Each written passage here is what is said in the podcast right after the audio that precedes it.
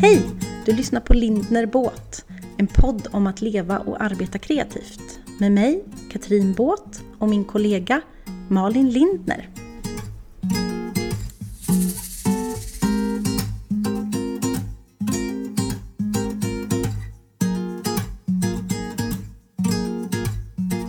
God morgon Malin! God morgon Katrin. Regnar det hos dig? Det regnar, det regnar. Idag, men idag är det ju det är fortfarande nästan lite mörkt här nu. Eh, Men lite Vi mysigt. kanske börjar gå in i den här tiden då det inte blir ljust. Ja. Man tror ju varje år att det inte ska hända, men så händer det ändå. Ja. Ja. Men idag spelar vi in... Ja, Nej men idag spelar vi in på en morgon, så får vi känna hur det känns. ja precis. Vad skulle du Ehm. säga du kan? Alltså... Alltså jag börjar gilla mörkret. Ja. Ja men jag fattar vad du menar. Ja. Jag kan tycka att det är mysigt att gå upp och tända ljus och sitta i mörkret en stund. Mm. Men eh, jag tänkte på det, för jag pratade med Kalle om det i helgen, att det är nog för att jag numera har det här jobbet som jag har, alltså att jag bestämmer Mm. själv. Det var ju fasligt mycket värre att gå upp på morgnarna när jag hade liksom en tid att passa till en buss eller ett tåg och ett kontor. Alltså, Mm. nu äger jag ju min tid på ett annat sätt. Ja, och då kan man ju väldigt mycket bestämma. Nu är vi tidigt ute idag eftersom klockan egentligen var då halv nio när vi skulle börja podda.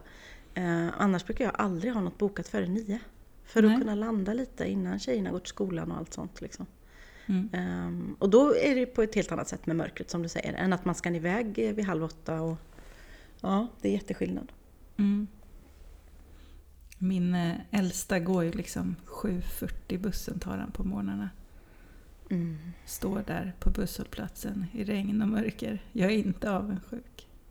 Nej. Vi brukar försöka peppa honom med att det skapar karaktär. Han bara, vem fan vill ha karaktär? Bara, kom igen, det är Nej, bra. den, den karaktären vet jag fanken om jag vill ha. Men det är faktiskt någonting som, som vi har pratat mycket om. Alltså det här med att tonåringar liksom börjar så tidigt på morgonen. Jag tror inte de är gjorda för det. De är gjorda Nej, för att vila lite liksom. De behöver Ja. sova lite. Nackdelen med gymnasiet är ju att man ofta har en bit att åka. Ja. på min yngre sons skola, han går i sjuan, de börjar faktiskt, det är bara två dagar i veckan han börjar 8.15. Annars börjar Mm. han 9, halv 9, 20 i 10. Oj, vad Ja. skönt. Men då går han ju å andra sidan ganska långa dagar, alltså sena dagar. Mm. Ja, såklart. Men någonstans, jag, jag tror att tonåringar behöver sova lite mer på morgonen. eh, För att få sin återhämtning. Tror, till och med dagens att, jag tror att du har helt rätt i det. Mm. Sömnforskaren Katrin. Ja, precis. Jag har en ny karriär. Tonårsproffs och sömnforskare. Verkligen. Nej, det är bara att gå tillbaka till sig själv. Eh, Men tonåringar behöver ju mer sömn än, än vi andra. Vet Även om jag varför? just nu behöver... Nej? jag ska slänga in lite fakta. Ja. Det är ju för att deras hjärnor växer. Alltså, förstå Mm. utvecklingen i deras hjärnor. Jämfört med våra dassiga. Nej. Ja. ja. Ja. Nej, men det, och hjärnan kräver ju så mycket energi. Mm. Så det, de behöver sova så att hjärnan kan eh, återhämta sig. Vilket för mig in på dagens ämne. Precis. Helt spontant. Helt spontant.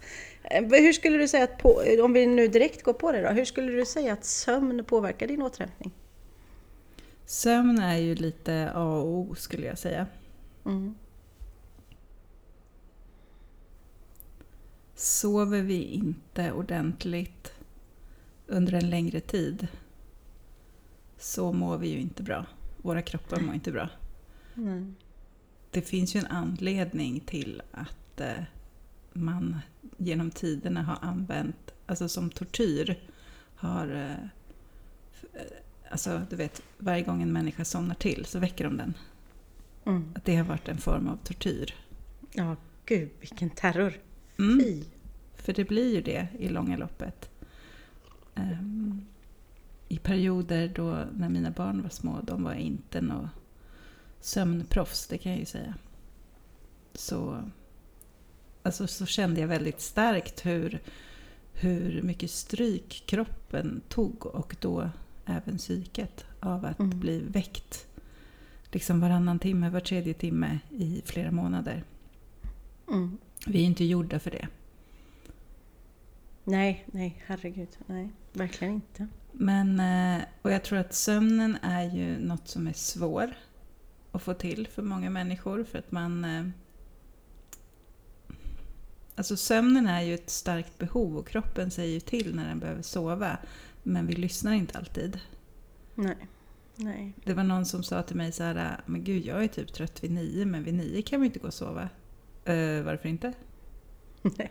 Alltså jag fattar om det är att man måste se till att man måste få barnen i säng först och så, men det är ju bara massa valda sanningar egentligen som vi springer runt och har kring när man ska sova och inte ska sova. Man ska väl sova när kroppen är trött, tänker jag. Ja, ja det, är så, det är så sant. Jag pratade med en kompis igår som, ehm, som har börjat att halla sig lite på eftermiddagarna ibland på grund av en, eh, en operation till en start. Men, men ändå, man bara, åh vad skönt det skulle vara eftermiddagsvila lite oftare faktiskt. Eh, Så där som morfar gjorde när man var liten. Han gick alltid och la sig och eftermiddagsvilade lite. Det, man skulle behöva lägga in det i sitt liv. Ja. En eh, vän till mig myntade uttrycket nappuccino, inte cappuccino utan nappuccino. Och Oh. hon tar en kaffe och sen Mm. lägger hon sig och vilar en halvtimme. Oj. Så att när hon har vilat klart så då har liksom kaffet kickat, kickat ut i kroppen. Smart Ja, ändå. För Ja. jag har ju en sån regel att jag aldrig dricker kaffe typ efter klockan kvart över sju, halv åtta. För då kan, inte jag, då kan jag inte gå och lägga mig sen på kvällen. Eller jag kan gå och lägga mig men jag kan inte sova. nej. Eh, Det där gör hon väl på eftermiddagen kan jag tänka mig. ja, precis. Ja. Såklart. Ja. Ja, men sömn. Eh, kan man eh, sova i kapp tror du? Jag vill ju tro att man kan sova i kapp, men man kan inte tro att man kan göra det på två dagar tror jag, utan man behöver lägga in det på en längre sikt. Mm. Ehm, Men eh, ja, jag är mer, kanske mer vila i kapp än sova i kapp. Ah, Eh. berätta hur du tänker. Jo, men sova i kapp såklart. Men, men ofta behöver jag känna så starkt när jag eh, är för trött att jag behöver bara vila. Vila hjärnan från sociala medier, vila huvudet, vila kroppen. Ligga ner. Mm. Ehm, och det är väl liksom första stadiet i att komma ikapp någonstans. Jag ska ärligt säga till exempel just nu. Jag hade en period i september när jag eh, jobbade 24 dagar i rad med olika event och workshops och hade öppet och så här. Ingen vila ens på helgerna. Och jag tror att det sitter i än faktiskt. Och nu är det ändå mitten på oktober. För det behövs liksom lång fas för att komma ikapp. Mm. Hur känner du nu efter din workshop som var för två veckor sedan, eller hur länge sedan var det? Har du kommit Mm. ikapp? Nej, det har jag inte. Kroppen har nog kommit ikapp. Ja. Jag brukar tänka, jag ska återkomma till lite sömn, men eh, jag svarar på din fråga nu. Att eh, när det gäller trötthet så kan jag känna dels den fysiska tröttheten, att kroppen är sjukt slut. Och sen Mm. kan jag känna mental trötthet. Att jag har koncentrationssvårigheter, att jag har svårt att ja, men du vet, hitta ord, Mm. eh, svårt att strukturera. Och sen så det som jag tampas mest med är nog ändå den här känslomässiga tröttheten. Mm. Att jag lätt får ångest, jag har nära till gråt, jag alltså blir känslig, överanalyserar. Mm. Så efter, eh, när jag har jobbat intensivt i en period så kan jag känna alla de där tre. Mm. På en gång? Ja, oh ja. Och eh, det som jag har lärt mig är att, eh, ja, men att se alla de här tre tröttheterna. Och att, att det räcker inte med sömn för mig Nej, för att, nej. att eh, tillgodo, alltså, rätta till dem. Mm. sömn gör jättemycket, absolut. Men eh, jag behöver också andra saker och det krävs olika saker för att komma till rätta med den fysiska, mentala och känslomässiga tröttheten. Mm, berätta. Berätta! Berätta för mig. Den fysiska tröttheten, det kan ju vara att kroppen är tung. Mm. Det kan ju vara att jag har svårt att sova för att eh, jag är för, liksom, att det pirrar i kroppen. Mm. Det som funkar bäst för mig då är ju dels att få in eh, bra sömnrutiner. Jag tycker faktiskt att jag sover rätt bra. Jag går ofta och lägger mig 22 och vaknar mellan 6 och 7. Mm. Och det är ju för mig jättebra. Men eh, sen så behöver jag också vila under dagen. Alltså att sitta, alltså att låta kroppen eh, kanske bara mm, sitta eller ligga och vila i en vilsam position. Inte i... Alltså det, vi spänner oss ju lätt statiskt när vi Mm. sitter vid datorn och sådär. Men framförallt skulle jag säga att min kropp för att få återhämta sig också behöver rörelse. Mm. Och det kan man ju tro är eh, motsägelsefullt, men för mig är det inte alls det. Aktiv vila till exempel pratar man ju mycket om när människor är utmattade. Att gå promenader, eh, att eh, aktivera kroppen men inte gå upp så jättemycket i puls. Mm. För så fort du går upp i, i puls, alltså att du börjar springa eller konditionsträna, så blir det ju en stress på kroppen. Vilket också kan vara jättebra. För att det du får efteråt sen stärker din kropp. Så att du står emot stress och utmattning. Mm. Du har koll på vem Anders Hansen är, eller hur? Ja, absolut. Järnstark. Mm. Han, eh, han är duktig på att förklara allt det där. Mm. Så att, eh, för kroppen skulle jag säga att det är nödvändigt för mig. En balans mellan vila och rörelse. Även när jag är helt eh, slut. Mm. Så går jag ändå alltid ut och går. Nu pratar inte jag om de som är helt utmattade, alltså med utmattningssyndrom. Där kan det vara så att man inte ens klarar av att gå ut och gå en promenad. Så jag, Nej. jag sitter inte här och säger att de ska gå ut och gå. Utan de ska lyssna till sig själva och sina läkare. Jag säger bara vad som funkar för mig. Och nu pratar vi till exempel när du har haft en intensiv period, inte att du Ja, ja, ja. ja. Nej, Mm. utom hur, min, hur jag försöker återhämta min kropp efter, eh, alltså i vardagen och Mm. eh, efter en intensiv period. Sen tycker jag med träning också att eh, gör man den träning som är rolig så blir det inte... Då, då blir det mindre måste. Mm. Då gör man det också för hjärtat. Liksom. Alltså, då menar jag inte det fysiska hjärtat som slår. Nej, nej. Ja, men till exempel, du pratade ju förut om att du tyckte att cykla var härligt. Mm. Mm. Då är ju det cykla du ska göra. Vissa tycker om ridning, vissa tycker om eh, att spela paddel. Vissa gillar löpning, alla gillar inte löpning. Och då ska man inte tro att man måste gå ut och springa. Nej. Att det är det enda rätta. Det är lätt att tro det. Och jag önskar mig nog det till nästa liv, att jag ska kunna springa. Men varför? Nej, jag bara, det ser så himla skönt ut, fast jag har aldrig riktigt upplevt det själv. Eh, Men eh, jag fattar ju det, om man springer tillräckligt mycket så blir det det. Men jag har inte kommit dit i mitt liv. Fast det finns de som springer jättemycket och inte tycker att det är jätteskönt. Men att de gör Nej, det säkert. av massa Mm. andra anledningar. Att det är enkelt och tillgängligt och tjoho. Mm. Tjoho. Äh, jag tycker man ska hitta den träningsform som passar bra för en själv. Ja. Den som Så. blir av liksom. Ja. Men att eh, hitta sin balans. Det tycker jag är det viktigaste i det här. Vad Mm. behöver min kropp? Ska jag återkomma till eh, mental trötthet och känslomässig trötthet. Men det jag ville säga var att vi har sagt det här i så många andra sammanhang men det är så viktigt så att det, det tål att sägas tusen gånger till. Sluta jämföra dig med andra.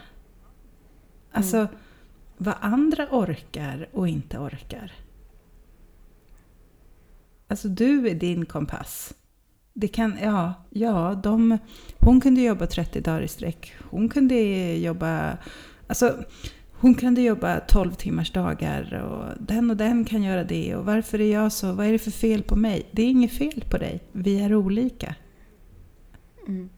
Ja, ja, och ofta jämför man ju allt på en gång. Att hon gör det och det och det och sen så är hon sån och den är sån. Och den gör ju, hinner ju också med att grädda bullar på lördagarna. Och den gör, alltså, mm. man lägger ihop tio personer i en... Precis, och det blir äh, sjuk person. Lite liksom, ouppnåeligt. Ja, verkligen. Mm. Och vi mår alla bättre av att eh, lyssna till våra behov och tillgodose dem. Så kan andra få sköta sitt. Och det, ja, vi måste påminna oss om att vi ser också bara glimtar av andras liv. Precis mm. som du sa. Och sen lägger vi ihop mm. lite av Katrin, lite av Malin, lite av henne, lite av henne, lite av henne. Och så slår vi ihop det till en person. Och så jämför vi oss med den. Ja, men det är, ja, det är så otroligt stört att vi gör så. Det gör ju vi också omedvetet allihopa. Ja, verkligen. Och det är synd. Det får vi eh, det får vi sluta med. Mm. Okej, okay, men eh, mental trötthet då? Då sa jag, eller kan inte du prata lite nu? Jag känner att min röst pratar alldeles för mycket. Om jag säger mental... Jag älskar det här. Om jag säger mental trötthet och alltså... Eh, ja men du vet, man tappar ord. Man, kom, man glömmer mm. bort mm. saker. Man, eh, man har svårt att komma igång. Ja men då för mig då, när jag kommer in i det, då behövs det verkligen vila. Mm. Då behöver jag bara eh, stänga av allt. Liksom. Och vad menar du med vila då? Ja men för mig kan det väldigt mycket bara vara att få ligga ner någonstans och bara vara. Okay. Ligga i våran utesoffa eh, och titta på molnen. Mm. Liksom. Mm. Inte sociala medier, inte svara på massa mejl, inte sånt liksom. Utan lugn och ro, luft och energi. Okej, så det du säger är att du behöver ta bort alla intryck? Ja, mm. precis.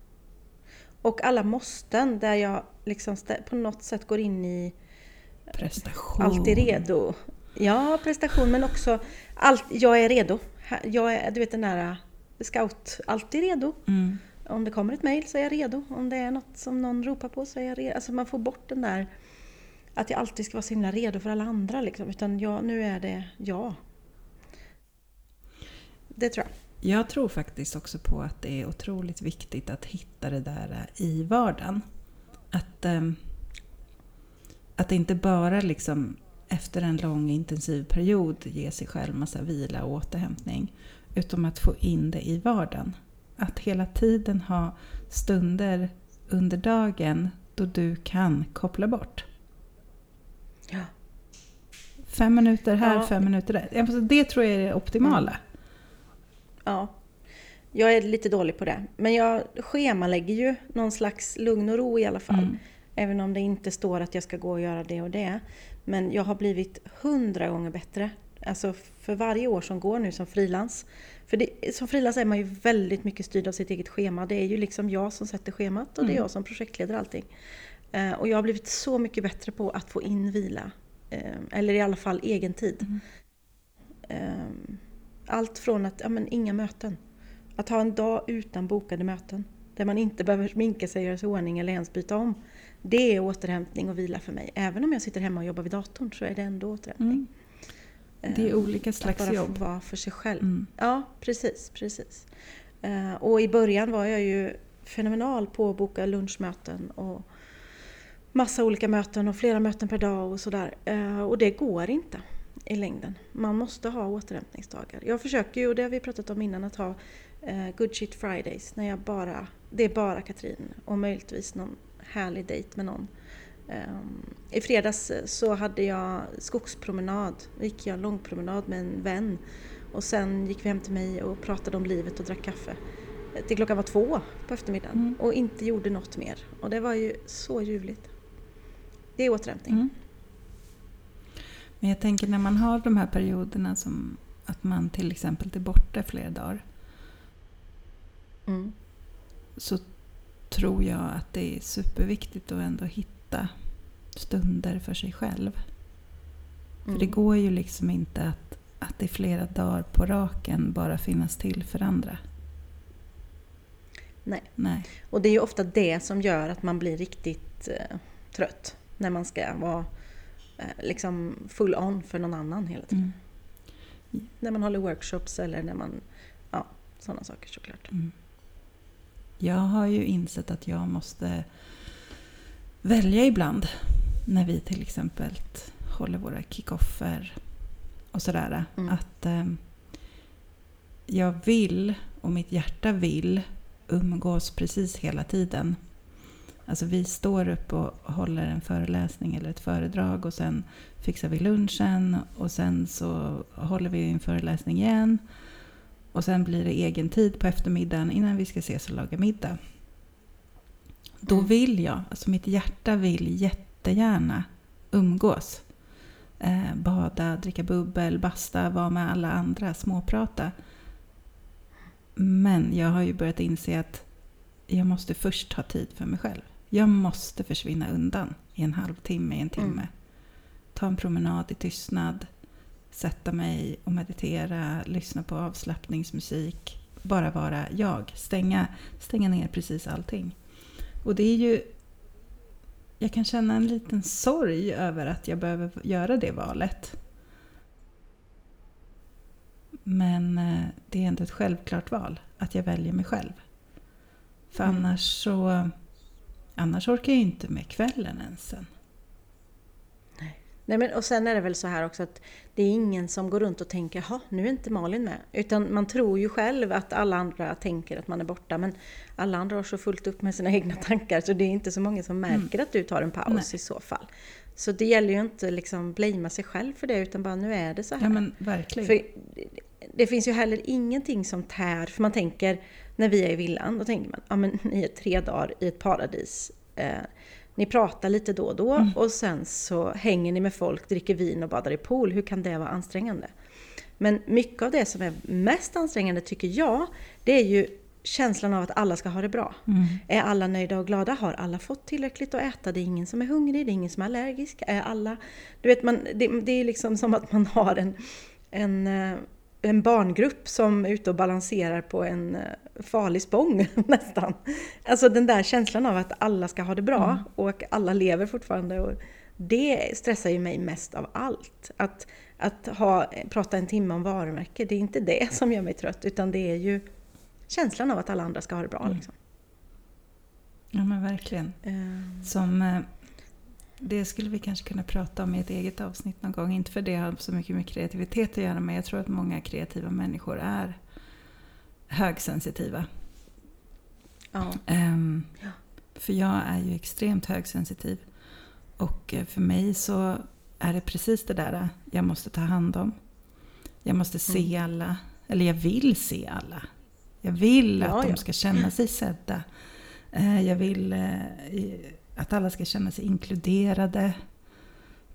Och när man samlar så där många människor som inte känner varandra så, så är ju det A och O tycker jag för att skapa en kärleksfull och trygg plats. Ja, Men precis, precis. framförallt så suger ju min kropp och mitt psyke in alla andras känslor. Eh, Ja. Deras nervositet. Det, alltså, och och det, det är främst det som gör mig trött. Att jag läser av Exa- hela rummet, hela tiden. Mm. Eh, Ja men tänk om man skulle kunna mäta det. Mm. De energierna som liksom kommer från de andra 19 personerna Mm. som är där. Och in i din kropp och min Mm. kropp. Och sen så liksom ska det marineras. Så ska man ta de känslorna med sig också. När man gör allt annat. Mm. Så det är inte konstigt att man, att man är...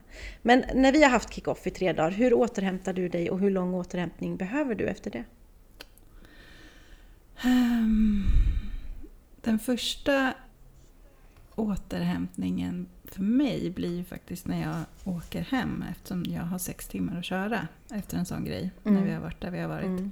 Där får inte kroppen speciellt mycket återhämtning. För att den måste ju vara alert och köra bilen. Men den mentala och känslomässiga återhämtningen börjar direkt. Eh, Så det jag väljer att lyssna på i bilen på Mm. vägen hem påverkar mig jättemycket. Jag eh, kan aldrig sätta mig och lyssna på intressanta, djupa poddar. Utom jag, jag måste lyssna på till, alltså, antingen bara musik eller eh, en ljudbok, alltså en roman. Eller, alltså sånt som bara kan gå in och ut och bara lugna Mm. mitt sinne. Eller som jag har upptäckt på senaste tiden att ibland är det skönt att bara köra i tystnad. Ja. Bara tystnad. Och jag försöker att inte gå igenom dagarna och tänka på dagarna utan bara låta det vara liksom stilla upp i huvudet. Mm. Så så börjar min klart. återhämtning direkt. Sen när jag kommer hem så behöver jag fysisk vila. Mm. Ehm, ligga på soffan, ta det lugnt, gå promenader. Ehm, min man kan vara så här, åh kan vi inte göra det här och kan vi inte göra det här och kan vi inte göra det här. Jag vill ju, men oftast orkar jag inte. Så då, då bestämmer orken. Ehm, Och då har vi blivit så gamla så att vi också säger nej och inte säger ja Mm. fast vi inte orkar. nej men absolut. Det, det är nog en, en ålders mognadsfråga. Ja, jag Ja. tycker fortfarande att det är Mm. svårt att säga nej. Men jag gör Ja. det. Mm. Mm. Det- Och det. Ja, men jag har svårt att, att engagera mig socialt eh, när jag har haft Mm. sådana perioder. Det är också en del av återhämtningen. Jag orkar umgås med mina barn och min man och möjligtvis min mamma och syster. Men eh, mer än så, det är liksom, jag checkar ut lite. Mm.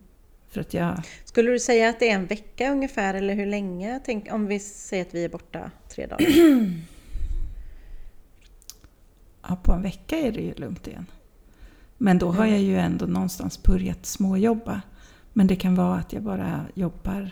Alltså, sist gjorde jag ju inte det här och det betalade jag dyrt för. Utan jag körde hem och sen Mm. åkte jag till ett bröllop dagen efter. Och sen på söndagen hade jag ytterligare en plåtning.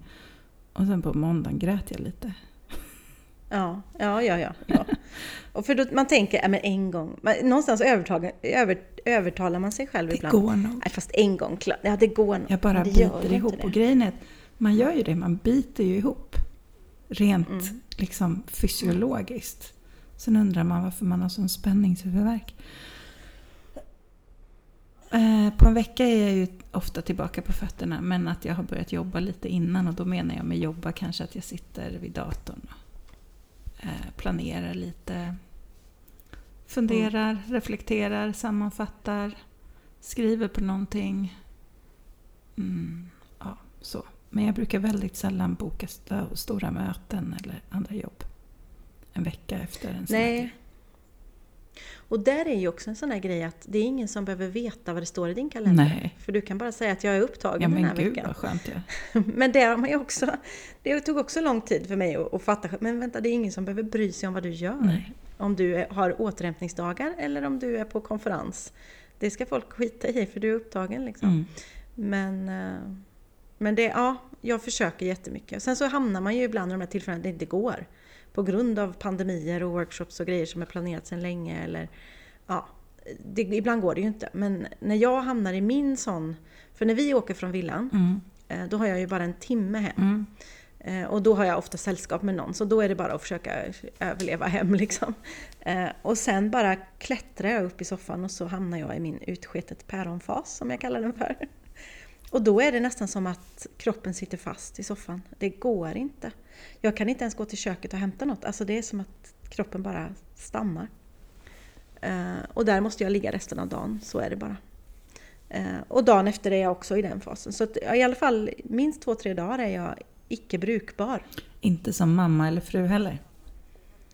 Nej, egentligen inte.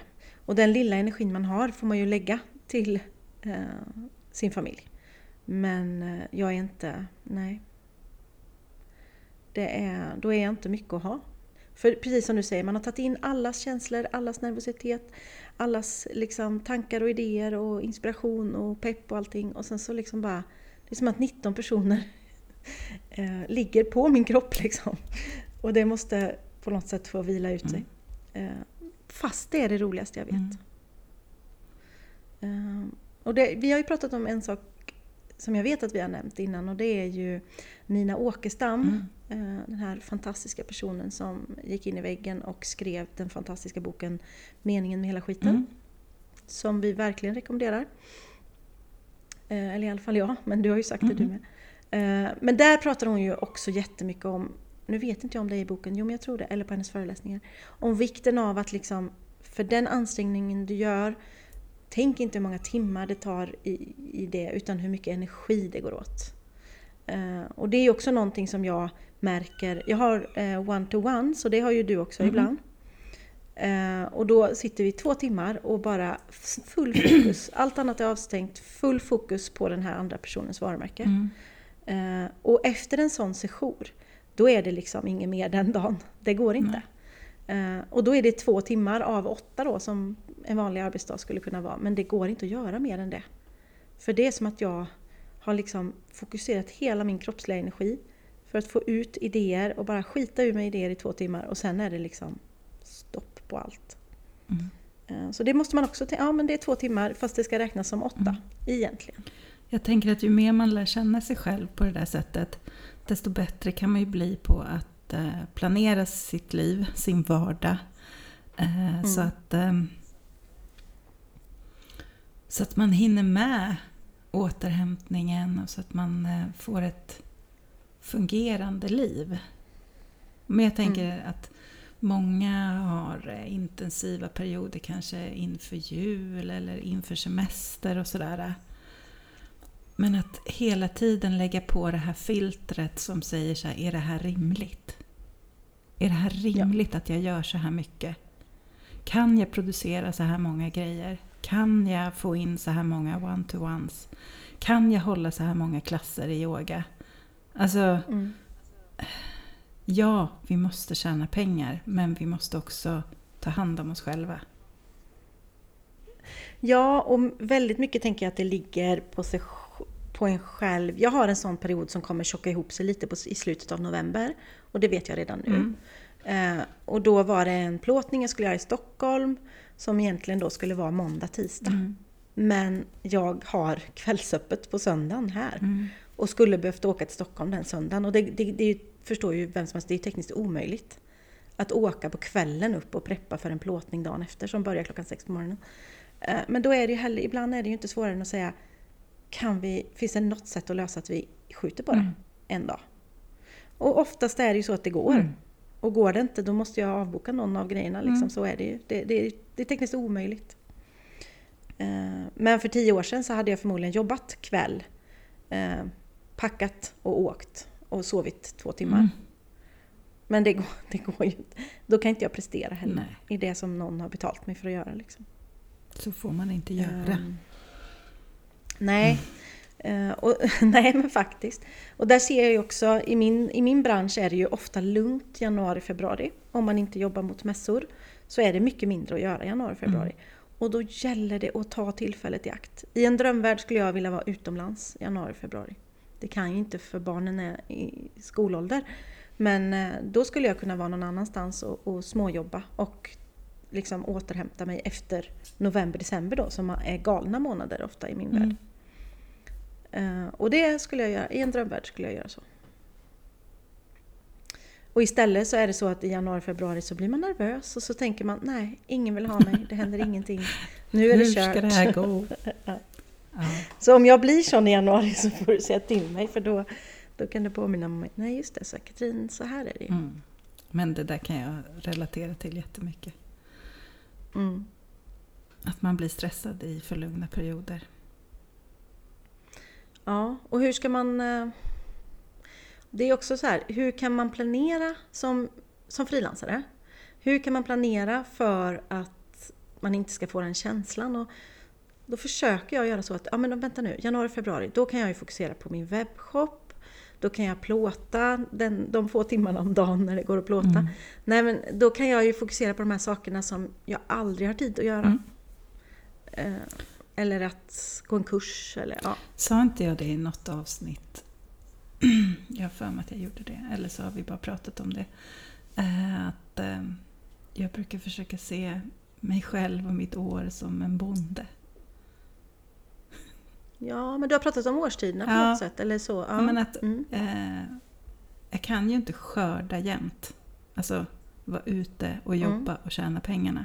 Ibland måste jag så saker.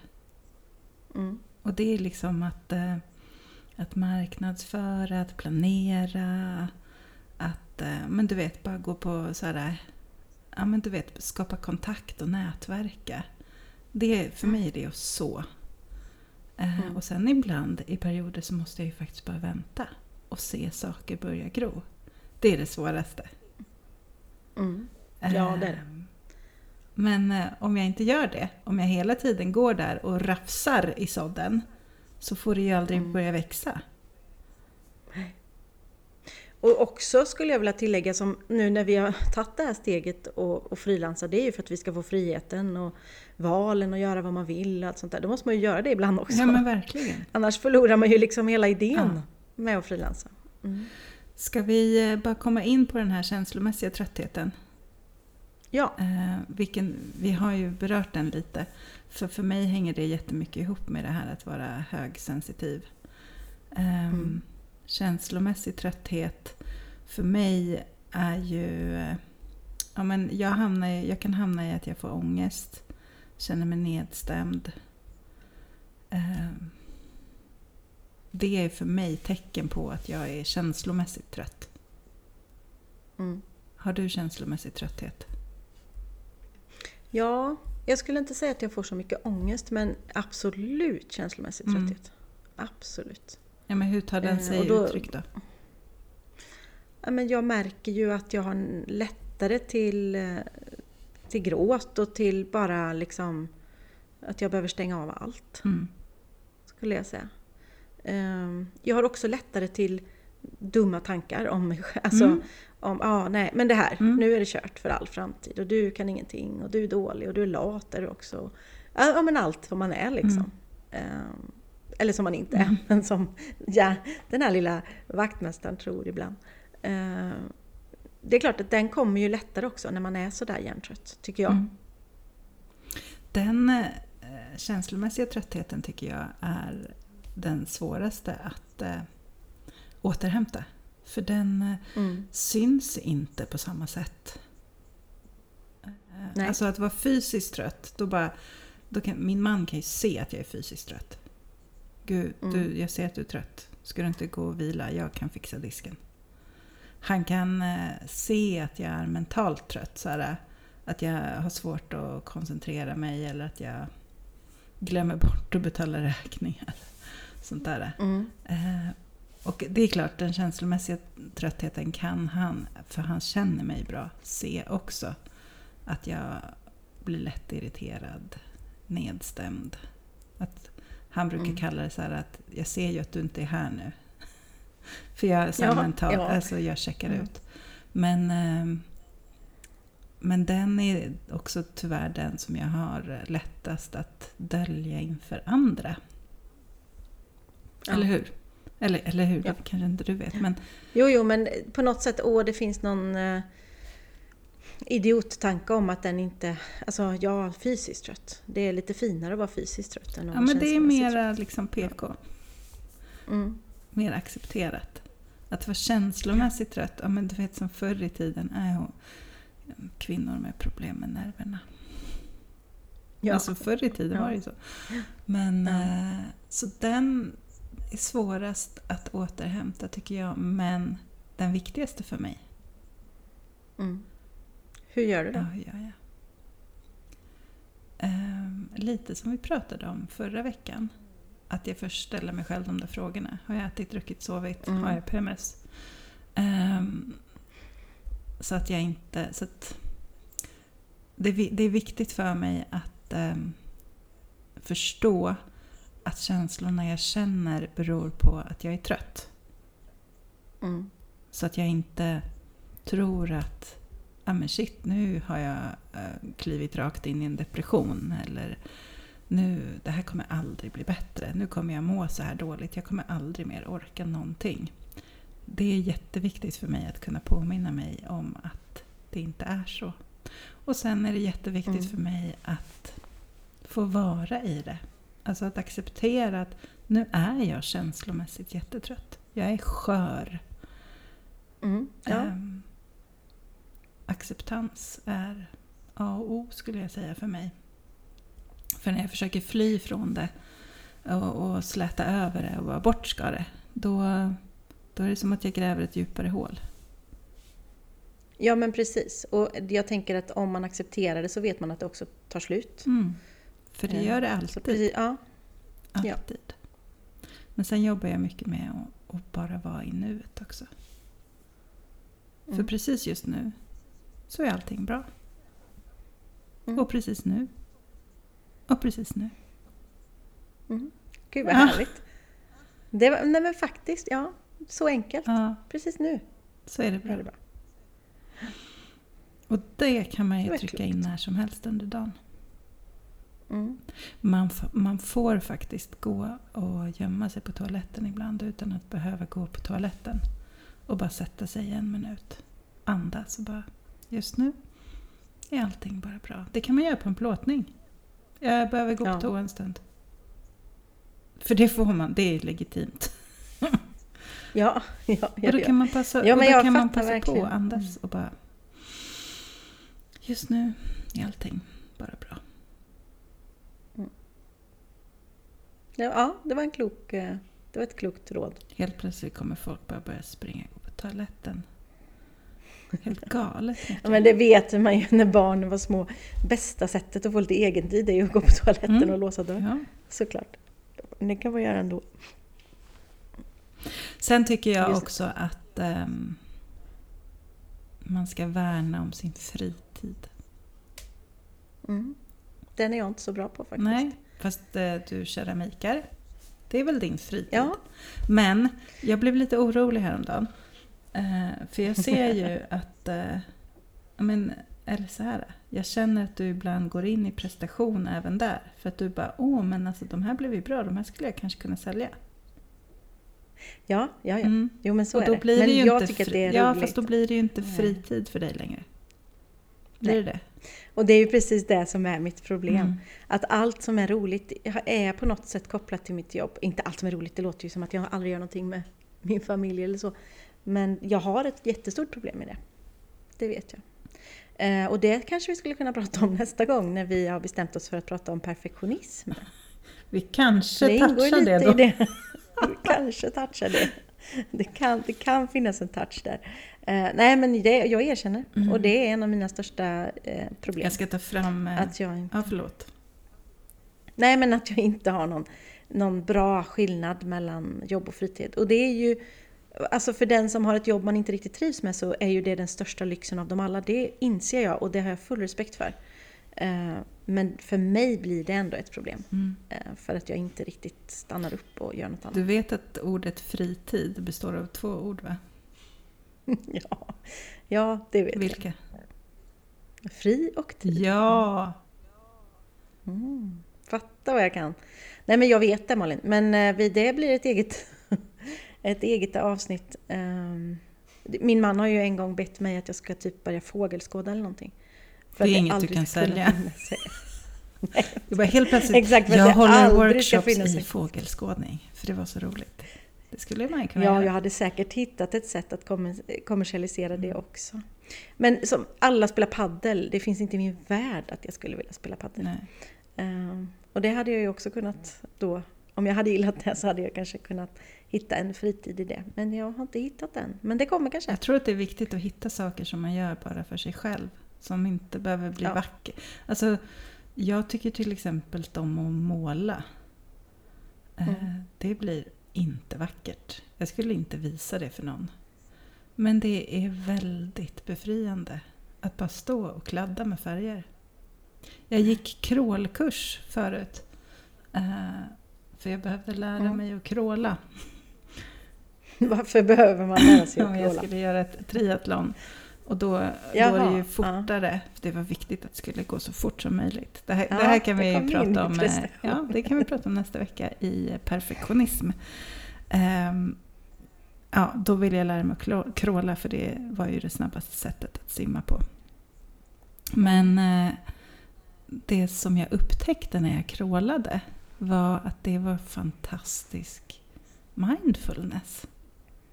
Mm. För jag kunde, så, så fort jag började tänka på något annat så fick jag ju kallsup. Så jag kunde bara Ja. tänka på Ja. en, två, tre, andas in, en, två, tre, andas ut. Det var liksom det enda. Förstår du? Det blev som ett jävla mantra i huvudet. Så det, från att ha varit liksom så här att åh, nu ska jag på tisdagar gå och lära mig att crawla så blev det åh, nu ska jag på tisdagar gå och var, bara vara med mig själv. Mm. Mm. Jo, men det, ja, det kan jag fatta. Eh, ja, den känslan som du får när du målar, Mm. den får jag när jag håller på med keramik. Så jag har absolut aldrig lagt någon prestation i min keramik. Det, är väldigt, det vill jag verkligen påpeka.